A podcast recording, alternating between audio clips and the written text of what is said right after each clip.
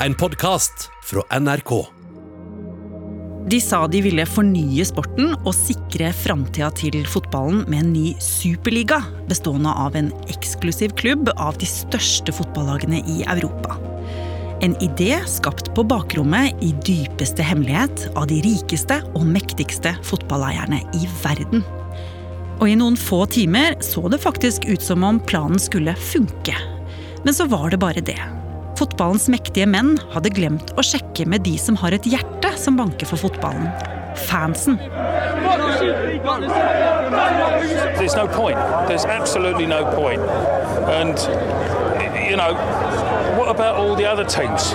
If you love football, stand up! If you love football, stand up! Og nå, bare noen få dager etter at planen ble lansert, står de rike klubbeierne aleine igjen. Strippa for all ære, med et ettermæle som bare kan summeres i ett ord mageplask. Hva var det de rike og mektige ikke hadde skjønt?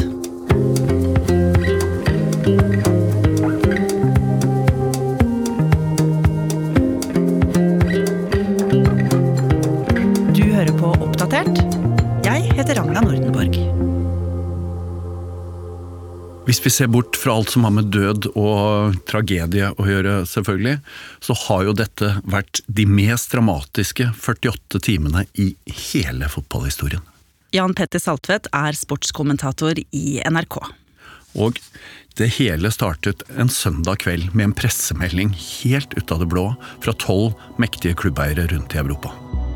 For seint søndag kveld kom sjokknyheten om at tolv toppklubber, Manchester United, Manchester City, Liverpool, Juventus, Chelsea, Barcelona og flere andre, hadde gått sammen om å opprette en helt ny europeisk superfotballiga. Fra nå av skulle ikke disse topplagene lenger konkurrere om å delta i Champions League, turneringa der de lagene som har gjort det best i sine hjemlige serier, deltar. I den nye ligaen var disse tolv klubbene garantert fast plass, uansett hvordan de hadde gjort det hjemme. I tillegg hadde den nye ligaen fem ledige plasser til andre lag som måtte kvalifisere seg for å bli med. Og så venta de på tre faste til. Og her kommer gulrota.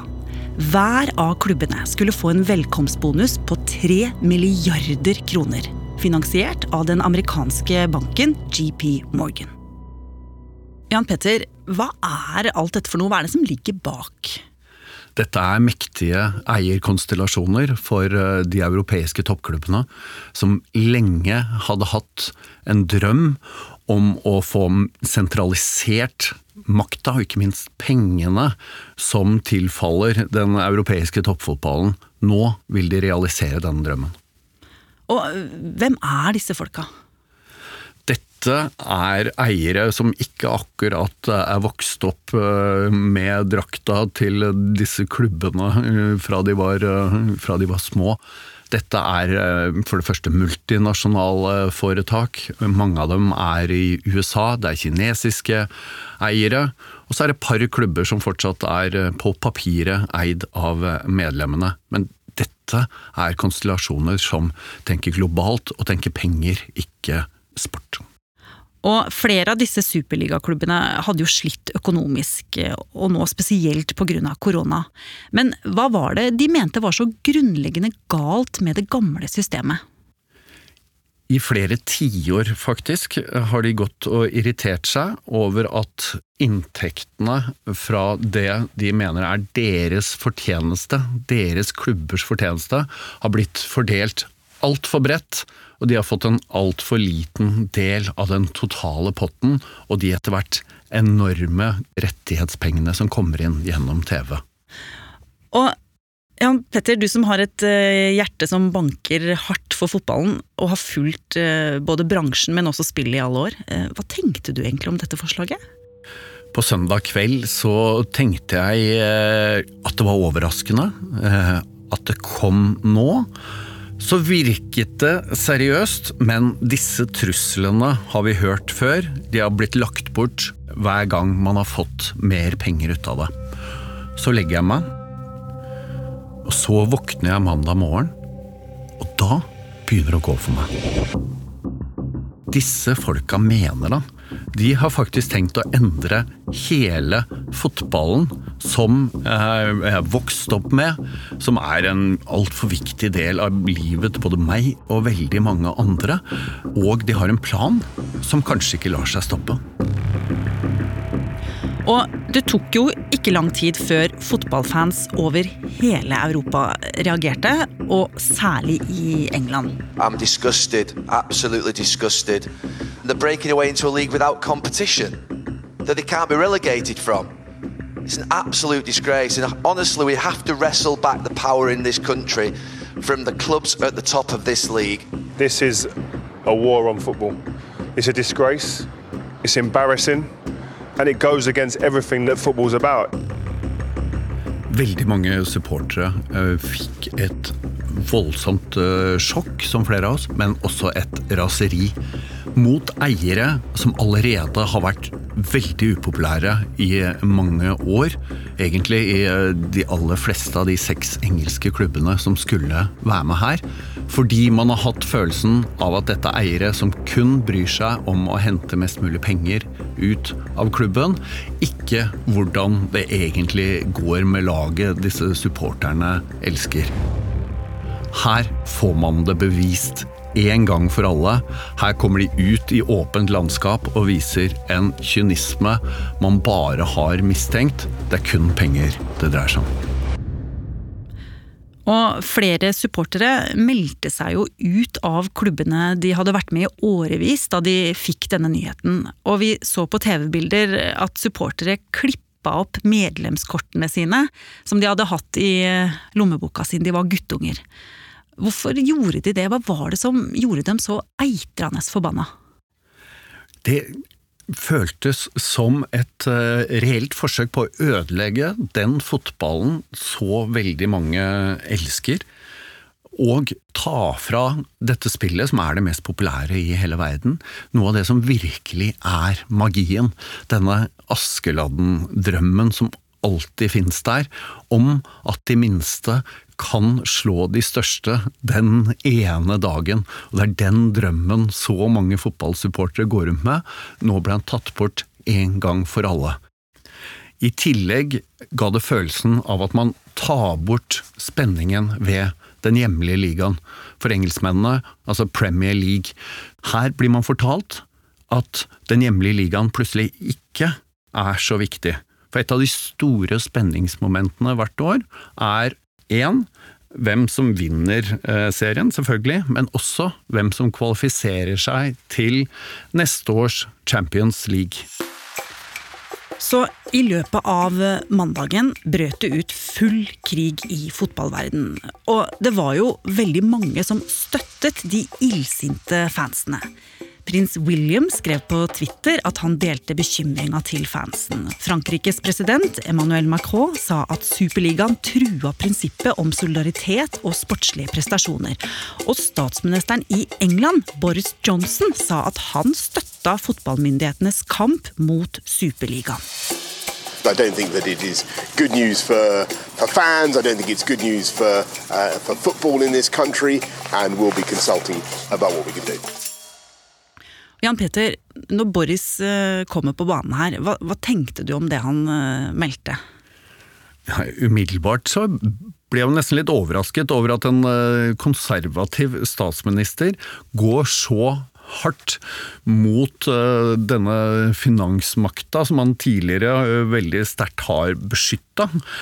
dette betyr åpenbart så mye for statsministeren at han virkelig vil gjøre noe med det. Men i løpet av mandagen så begynte jeg å tvile lite grann på hvilken kraft man kunne sette bak disse truslene. Superligaen hadde tenkt tanken allerede og gått til retten i alle de berørte land for å sikre seg at man ikke skulle få de konsekvensene som både Boris Johnson og andre hadde begynt å true med. For til tross for hard motstand fra fans, politikere og kongelige, så sto Superligaen på sitt. Og mandag kveld stilte Florentino Perez, sjefen for Superligaen, opp på spansk TV. la UEFA es un monopolio, debe ser muy debería ser más transparente, debería saber por qué dicen esas cosas, porque nosotros lo que queremos es mejorar el fútbol. Han sa at lagene hadde en bindende avtale som ingen kunne eller ville trekke seg ut av. Og ikke bare det, han forsvarte det de hadde gjort, og sa at dette var den eneste måten å redde fotballen på, som han mente var ruinert etter korona. Men eh, dette ble jo ikke møtt med forståelse, Jan Petter. Det føltes bare som alt ble enda verre etter å ha hørt uh, Peres, for du får faktisk høre hvor sterkt han mener det, hvor utrolig lite han bryr seg om alle reaksjonene som har kommet.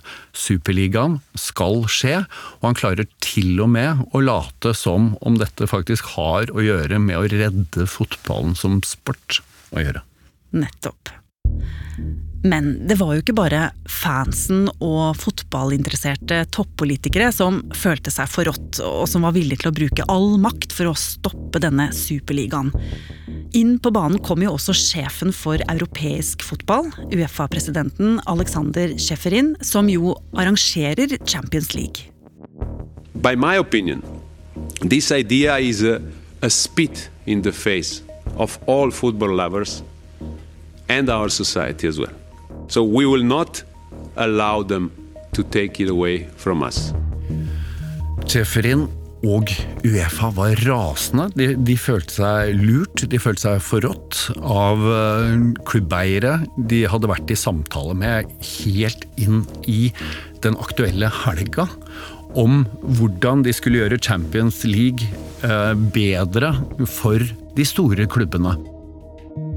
Uefa trodde de var i et samarbeid for mange år framover, og drev og tilpasset seg, noe som lignet mer og mer på dette.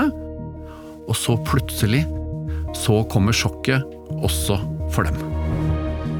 I cannot stress more strongly at this moment UEFA and the footballing world stand united against the disgraceful, self serving proposal we have seen in the last 24 hours from a select few clubs in Europe that are fueled purely by greed above all else. Og juristen Schäferin og Uefa, som tidligere hadde blitt beskyldt for å være grådige, hadde ikke tenkt å gi seg uten kamp, og kom med en sjokkbeskjed. Et mottrekk som ville kunne få store konsekvenser for spillerne på superligalagene. The players who will play in the teams that uh, might play in the closed league will be banned on playing the World Cup and Euro. For det første så sa de at eh, klubbene som ble med i Superligaen, ville bli utestengt fra sine hjemlige ligaer. Og spiller man på en av klubbene i Superligaen, får man ikke lov å spille på landslaget sitt. Man får ikke være med i EM, man får ikke være med i VM. Ja, og da begynte det jo virkelig å brenne under føttene på superligaeierne. For hva ville managerne og spillerne egentlig mene om denne planen? Og spesielt spent var jo folk på hva Liverpool-trener Jørgen Klopp, som tidligere hadde vært negativ til en slik idé, ville si om at laget hans var blitt med i Superligaen. Så det var jo det alle journalistene ville spørre om da Liverpool skulle spille mot Leeds mandag kveld. Og da Liverpool-manager Klopp møtte pressen, så sa han at han ikke hadde hørt om at Liverpool var en del av denne nye ligaen før søndag, da alle andre fikk vite det. Og han sa at han syntes ligaen var en veldig dårlig idé. The team has nothing to do with it, and the, uh, I have not really anything to do with it, but people treat us like that. The lead supporters came here today um, before the game, were shouting at us. Uh, we have nothing to do with it. Ja, Petter, den beskjeden der, den gjorde noe. Det Klopp sa var enormt viktig i sammenhengen. Klopp gikk egentlig rett ut mot sine eiere, sa at han fortsatt syns at Superligaen var en veldig dårlig idé, og at dette ikke var noe han hadde visst om. i det hele tatt. Etter det begynte spillere å komme med det samme budskapet. Vi støtter fansen. Vi vil ikke ha noe av dette.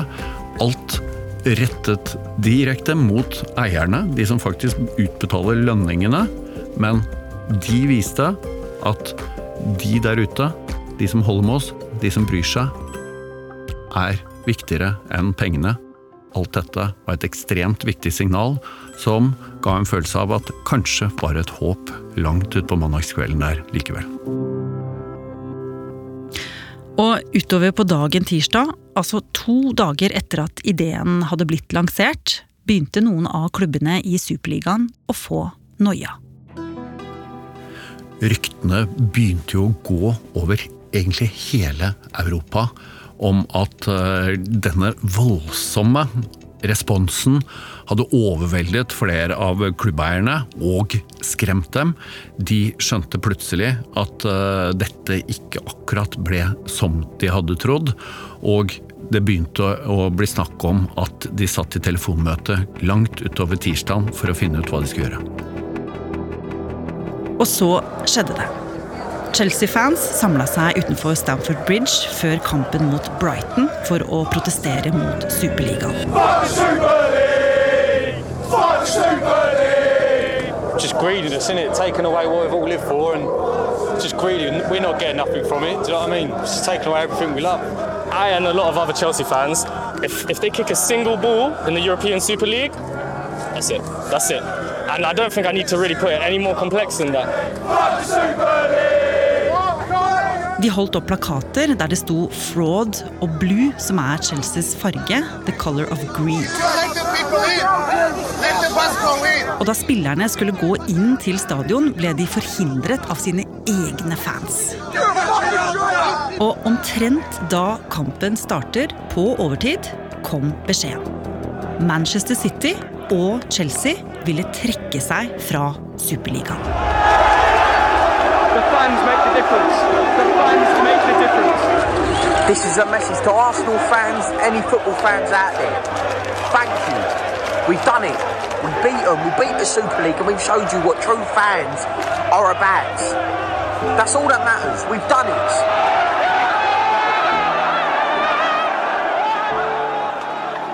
Og litt etter litt så trakk alle Premier League-klubbene seg fra Superligaen de neste timene. Og eierne til Arsenal, Liverpool og Manchester United og flere andre klubber ba fansen om unnskyldning. Ja, Jan Petter. Hvorfor endte det sånn her? 48 timers drama ender i eh, noen haler som eh, er så lange mellom beina der, eh, på en måte som mange nå, noen dager etter, tenker har endra fotballen.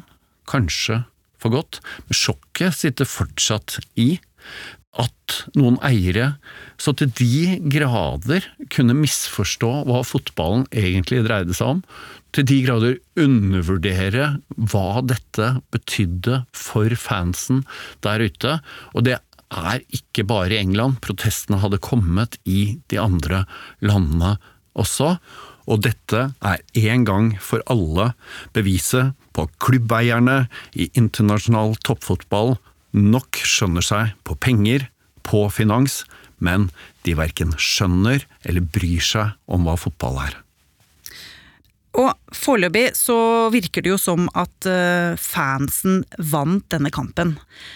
Men likevel, når man lytter til det presidenten i Superligaen, eh, Perez, sa da dette var over, så kan det jo virke som han ikke helt har gitt opp håpet.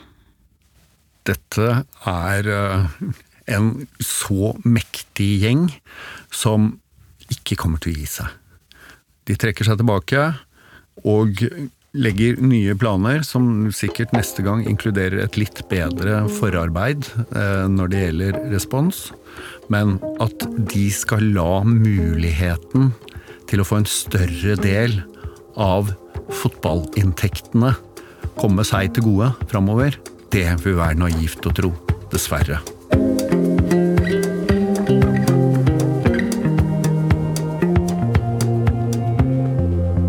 Har du lyst til å bli fast lytter av oss i Oppdatert og få påminnelse om nye episoder, er det bare å følge oss i NRK radioappen. Og så er det veldig hyggelig hvis du vil anbefale oss til en venn. Oppdatert er en podkast fra NRK Nyheter, og denne episoden er laget av Ida Tune Øritsland, Pål Gauslå Sivertsen, Andreas Berge og meg, Ragna Nordenborg. Eva Midthun Leira er redaksjonssjef.